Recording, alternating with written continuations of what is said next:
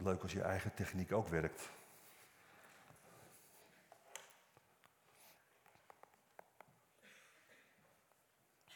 Ja.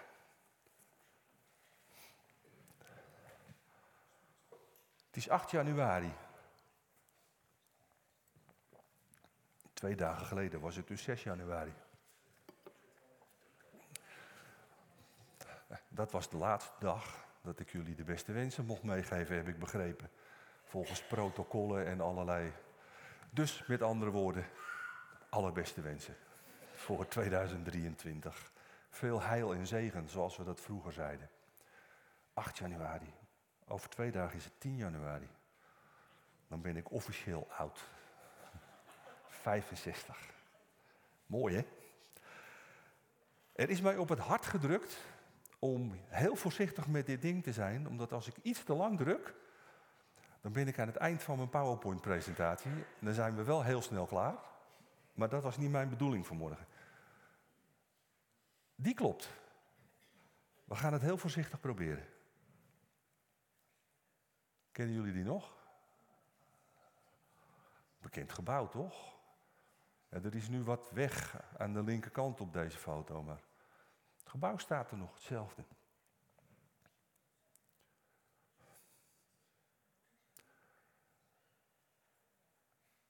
Dat is de titel waar ik vanmorgen voor heb gekozen. Kunnen jullie het goed lezen? Wij zijn hier gekomen om. Vul het zelf maar in. Ik zal straks vertellen waarom. Eerst wat anders.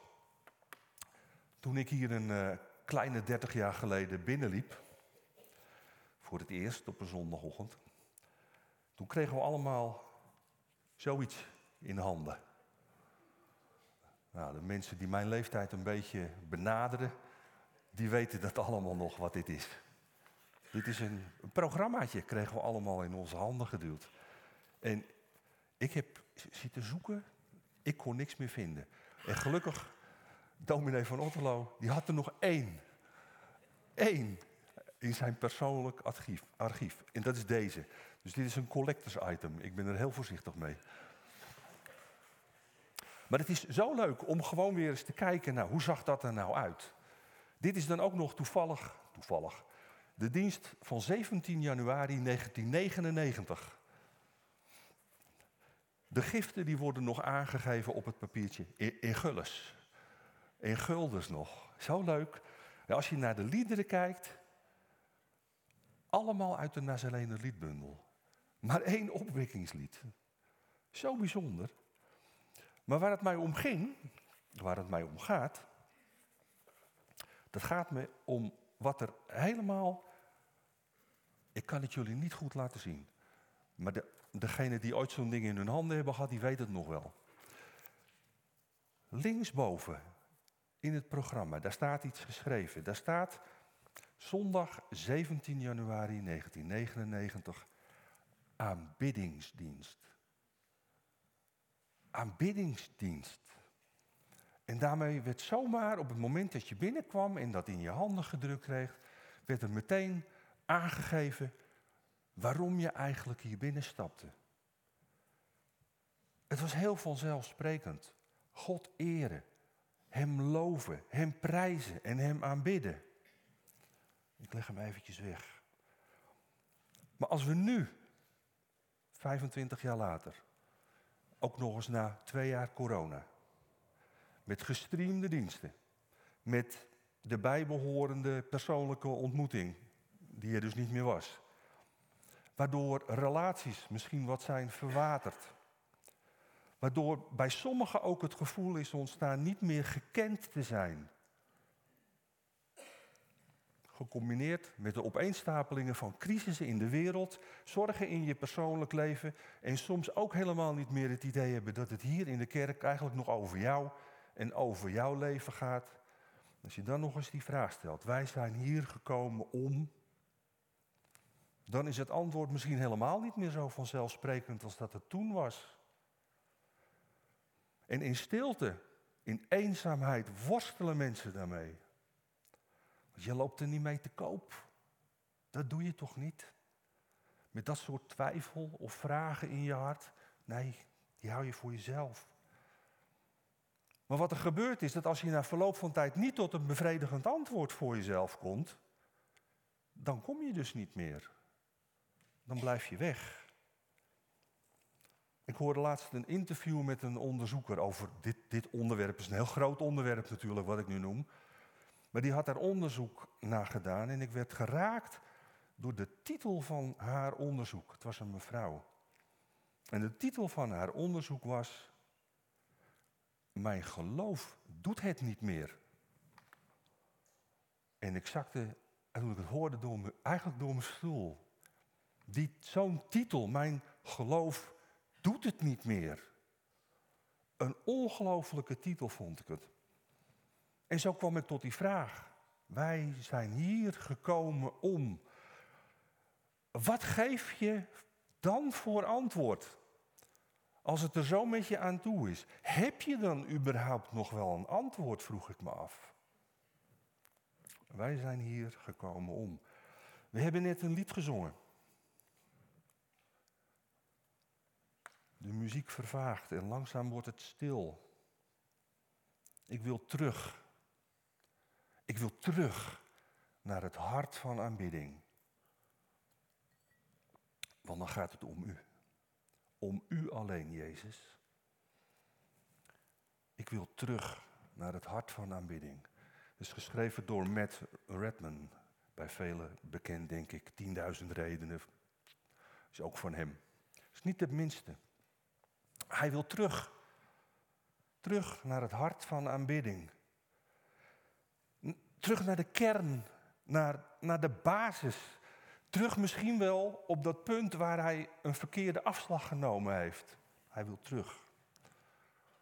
Ik wil vanmorgen proberen om samen met jullie ook terug te gaan. En misschien klinkt het heel raar. Ik wil terug naar de basis. Terug naar het begin. En wel helemaal terug naar de keer, die eerste keer dat Jezus op aarde werd aanbeden. In die stal in Bethlehem. Wat gebeurde daar in die stal? En allemaal in de hoop natuurlijk dat wij wegblijven bij die plek waar wij zeggen, ons geloof doet het niet meer. Maar dat wij blijven zeggen, Wij zijn hier gekomen om, oeps, God te eren en te aanbidden. Daar moeten we weer of komen of gewoon blijven. De wijze uit het oosten. We gaan dus terug. We gaan terug in de tijd. We gaan terug naar 6 januari zou ik bijna zeggen. Naar de wijze uit het oosten. Dat is de naam waarmee die mannen de geschiedenis zijn ingegaan. Het waren magiërs, astrologen, misschien wel de wetenschappers van die tijd. Het is niet helemaal duidelijk. De Bijbel vertelt niet zoveel over deze mannen. In de traditie van de Westerse kerk zijn, het zijn ze uitgegroeid tot een trio. Terwijl ze in de traditie van de Oosterse kerk met z'n twaalfen zijn. Dus nou, roept u maar. Ze hebben prachtig mooie namen gekregen. Er zijn kamelen bijgekomen. En uiteindelijk zijn zij tot koningen gebombardeerd met hun eigen feestdag. Drie koningen, 6 januari. Maar nogmaals, in de Bijbel vind je helemaal niet zoveel over die mannen. Dus laten we die er eerst maar eens op naslaan. Matthäus 2. Toen nu Jezus geboren was in Bethlehem in Judea in de dagen van koning Herodes, zie, wijzen uit het oosten kwamen in Jeruzalem aan en zeiden, waar is de koning van de Joden die geboren is? Want wij hebben zijn ster in het oosten gezien en zijn gekomen om hem te aanbidden. Toen koning Herodes dit hoorde, raakte hij in verwarring en heel Jeruzalem met hem. En nadat hij alle overpriesters en schriftgeleerden van het volk bijeen had laten komen, wilde hij van hen weten waar de Christus geboren zou worden. Ze zeiden tegen hem, in Bethlehem, in Judea. Want zo staat het geschreven door de profeet. En u, Bethlehem, land van Juda, bent beslist niet de minste onder de vorsten van Juda, want uit u zal de leidsman voortkomen, die mijn volk Israël wijden zal. Toen riep Herodes de wijze onopgemerkt bij zich en vroeg er nauwkeurig naar de tijd dat de ster verschenen was. En hij stuurde hen naar Bethlehem en zei, ga erheen en doe nauwkeurig onderzoek naar dat kind. En als u het gevonden hebt, bericht het mij, zodat ook ik kom om het te aanbidden. En nadat zij de koning aangehoord hadden, gingen zij op weg. En zie, de ster die ze in het oosten gezien hadden, ging hun voor. Totdat hij boven de plaats kwam te staan waar het kind was. Toen ze de ster zagen, verheugden zij zich met zeer grote vreugde. En toen ze in het huis kwamen, vonden ze het kind met Maria, zijn moeder, en ze vielen neer en aanbaden het. Ze openden hun schatkisten en brachten hem geschenken, goud, wierook en mirre. Tot zover de schriftlezing. Wij zijn hier gekomen om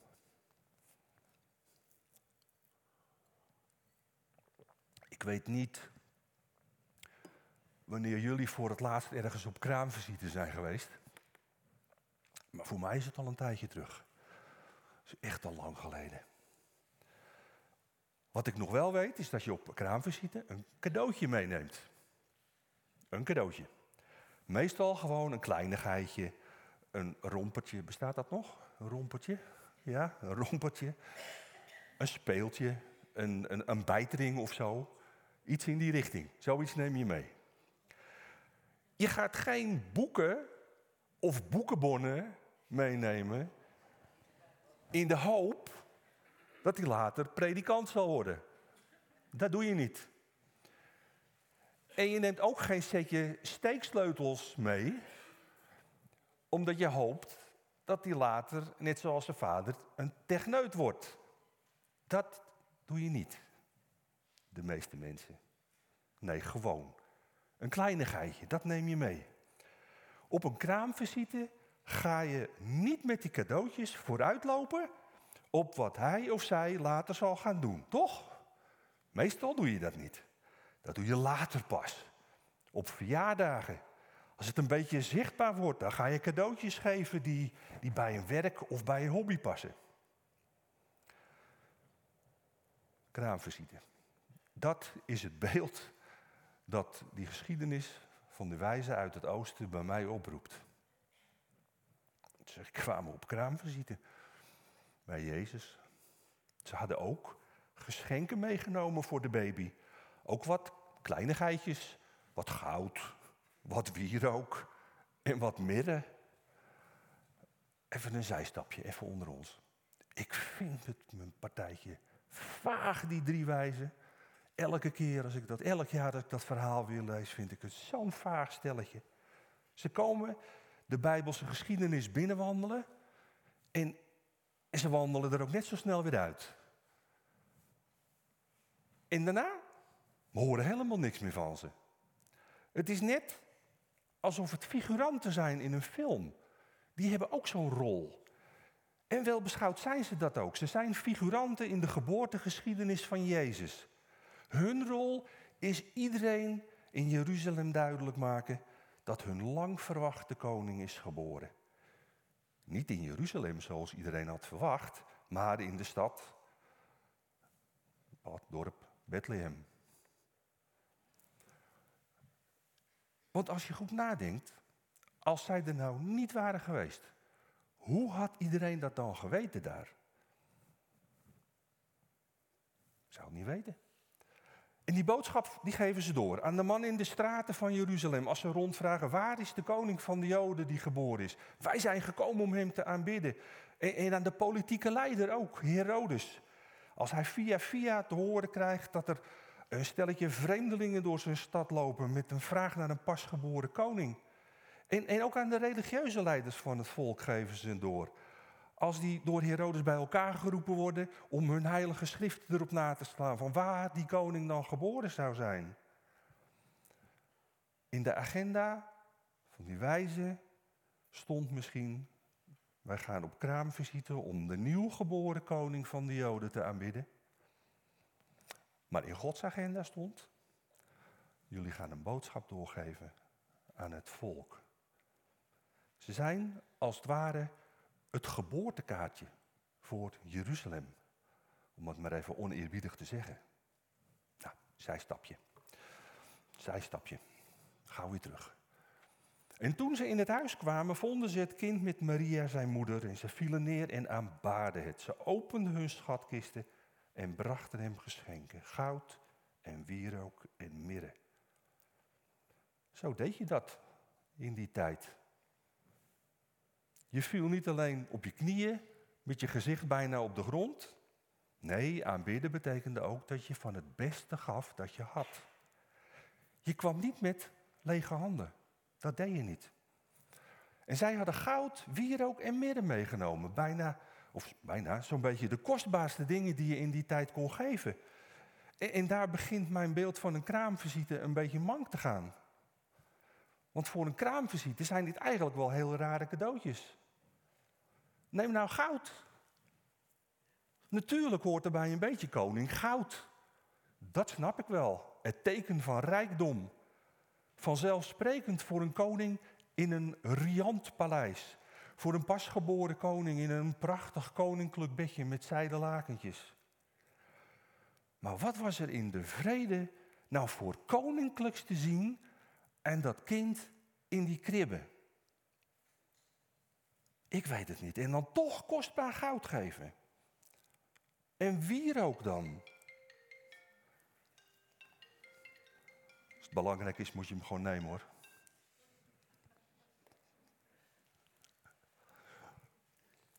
Wierook dan? Wierook. Dat is ook al zo vreselijk kostbaar. Wierook, dat is wijrook. Rook om iets te wijden. Het werd gebruikt door priesters. Alsof die wijzen uit het oosten wisten dat Jezus ook priester zou worden. Dat er een dag zou komen dat hij zichzelf zou offeren. Maar was dat nou al te zien? En dat kindje in die kribbe, dat hij priester zou worden? Later. Later pas. En dan toch nu al kostbare wierook geven. Goud, wierook. En dan ook nog eens mirre. Mirre of all things. Deze koning van de Joden zal in de toekomst sterven aan een kruis. Toen was er mirre nodig. Op dat moment, later, om zijn lichaam te zalven, te balsemen.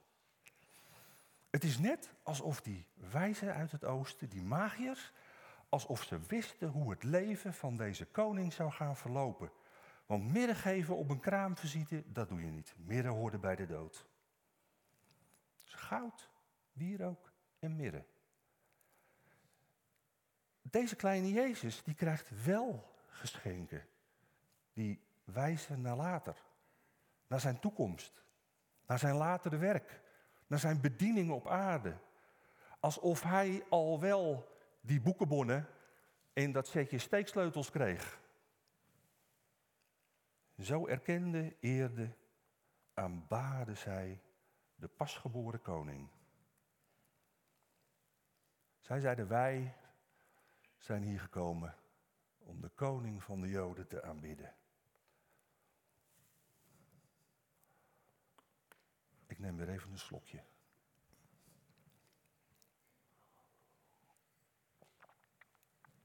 Die beschrijving van Matthäus over die wijze uit het oosten die we net hebben gelezen, die staat vol met verwijzingen naar Jezus latere bediening, zijn werkzaamheden.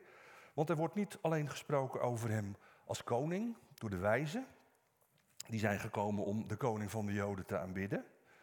Maar Herodes, die vraagt zich af waar de Christus, de gezalfde Christus, geboren zou worden. En als de priesters en schriftgeleerden voor Herodes hun schriften uitpluizen, vertellen ze hem langs neus en lippen weg dat de Christus door die profeten ook een leidsman wordt genoemd. Een heer. En dan ook nog eens een die zijn volk zal wijden. Een herder. Hij is dus ook herder. Jezus bediening, koning, Christus, Heer, herder. Vier titels die iets zeggen over wie Jezus in de toekomst zal zijn, over wie Hij voor ons zal zijn. Gaat tot nu toe goed. Wij zijn hier gekomen om. Voor die wijzen toen was het helemaal geen vraag waarom zij waren gekomen. Zij gaven hun antwoord op basis van wat zij toen wisten. De pasgeboren koning van de Joden aanbidden. En stel, stel dat wij vanmorgen, nu eens met de kennis van nu, eenzelfde soort antwoord zouden geven als zij toen. Dat wij hier gekomen zijn vanmorgen om koning Jezus, Gods Christus, onze Heer en onze herder te aanbidden. Stel dat we nou dat antwoord zouden geven. En stel dat we dat nou vanmorgen ook eens op precies dezelfde manier zouden doen, zoals zij dat toen deden. Dat wij dus ook geschenken voor hem hebben meegenomen. Dat ook wij niet met lege handen zijn gekomen. Dat wij vanmorgen ook het beste van onszelf hebben meegenomen.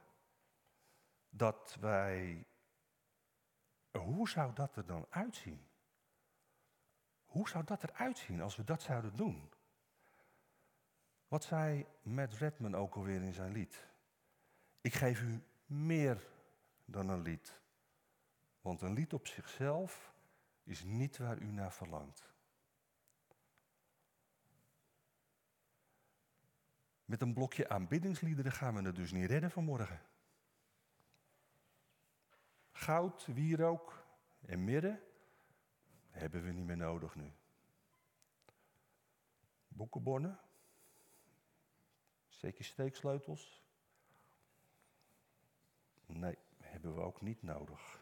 Nee, materiële geschenken zijn niet meer nodig. Geestelijke geschenken, dat zijn passende geschenken voor onze Heer, voor de verheerlijkte Jezus. Met welk geschenk aanbidden en eren wij nou onze koning? Koning Jezus. Wat past er nou van ons bij die bediening? De koning. Volk. Volk, wat is een koning zonder volk? Burger worden. Burger worden van zijn koninkrijk. Toetreden tot zijn volk. Heel eenvoudig zijn onderdaan zijn. Onszelf geven. Het grootste geschenk dat wij aan Koning Jezus kunnen geven is onszelf. Christus, de gezalfde van God. Wat is nou een passend geschenk dat we vanmorgen voor Hem mee kunnen nemen? Wat past er nou bij Zijn bediening nu als Christus? Geloof. Geloof en vertrouwen dat Hij werkelijk Gods gezalfde is. Ons leven in Zijn handen leggen. In het volste vertrouwen dat Hij met ons zal zijn. Hoe ons leven er ook uitziet of uit zal gaan zien. Op de hoogste toppen, de diepste dalen en alles daartussenin. Hij is met ons en Hij zal met ons zijn.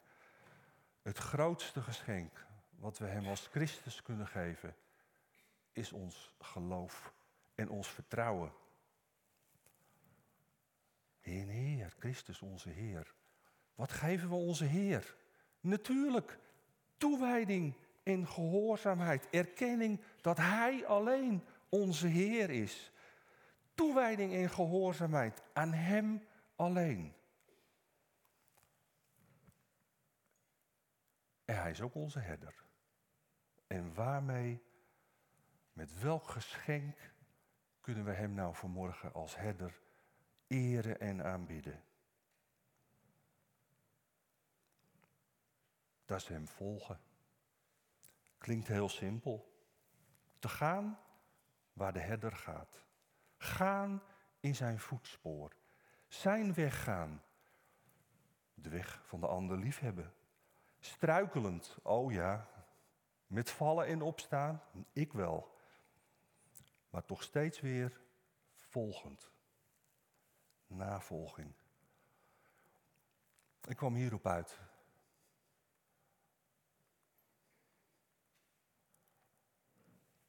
Dit is voor mij het hart van aanbidding.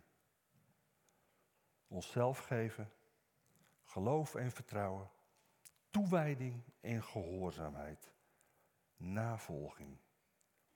Het hart van aanbidding. De muziek vervaagt. Is dat die? Nee. De muziek vervaagt. Langzaam wordt het stil. Dan kom ik bij u met mijn grootste wens. Iets te geven waar u blij mee bent. En dat iets is onszelf. Ons vertrouwen, onze toewijding en onze navolging van de verheerlijkte Heer. Dat is het iets waar we over zingen en wat ik zo zou willen benoemen.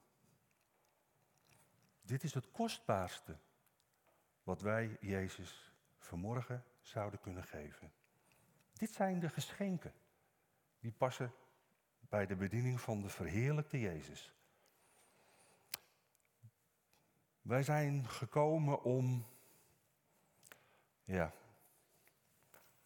misschien is het antwoord niet meer zo voor de hand liggend als toen in 1999, in de jaren daarvoor en daarna.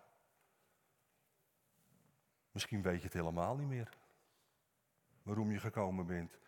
En misschien lijkt het zelfs wel alsof jouw geloof, uw geloof, het niet meer doet. Als je nou ook maar een zandkorreltje van die woestijn ervaart. Of twee zandkorreltjes. Ga terug.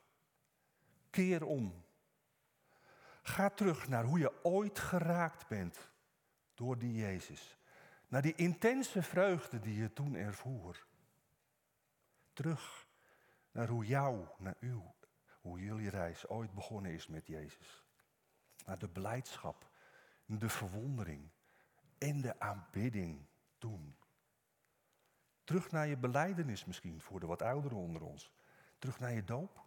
Terug naar je dooplied.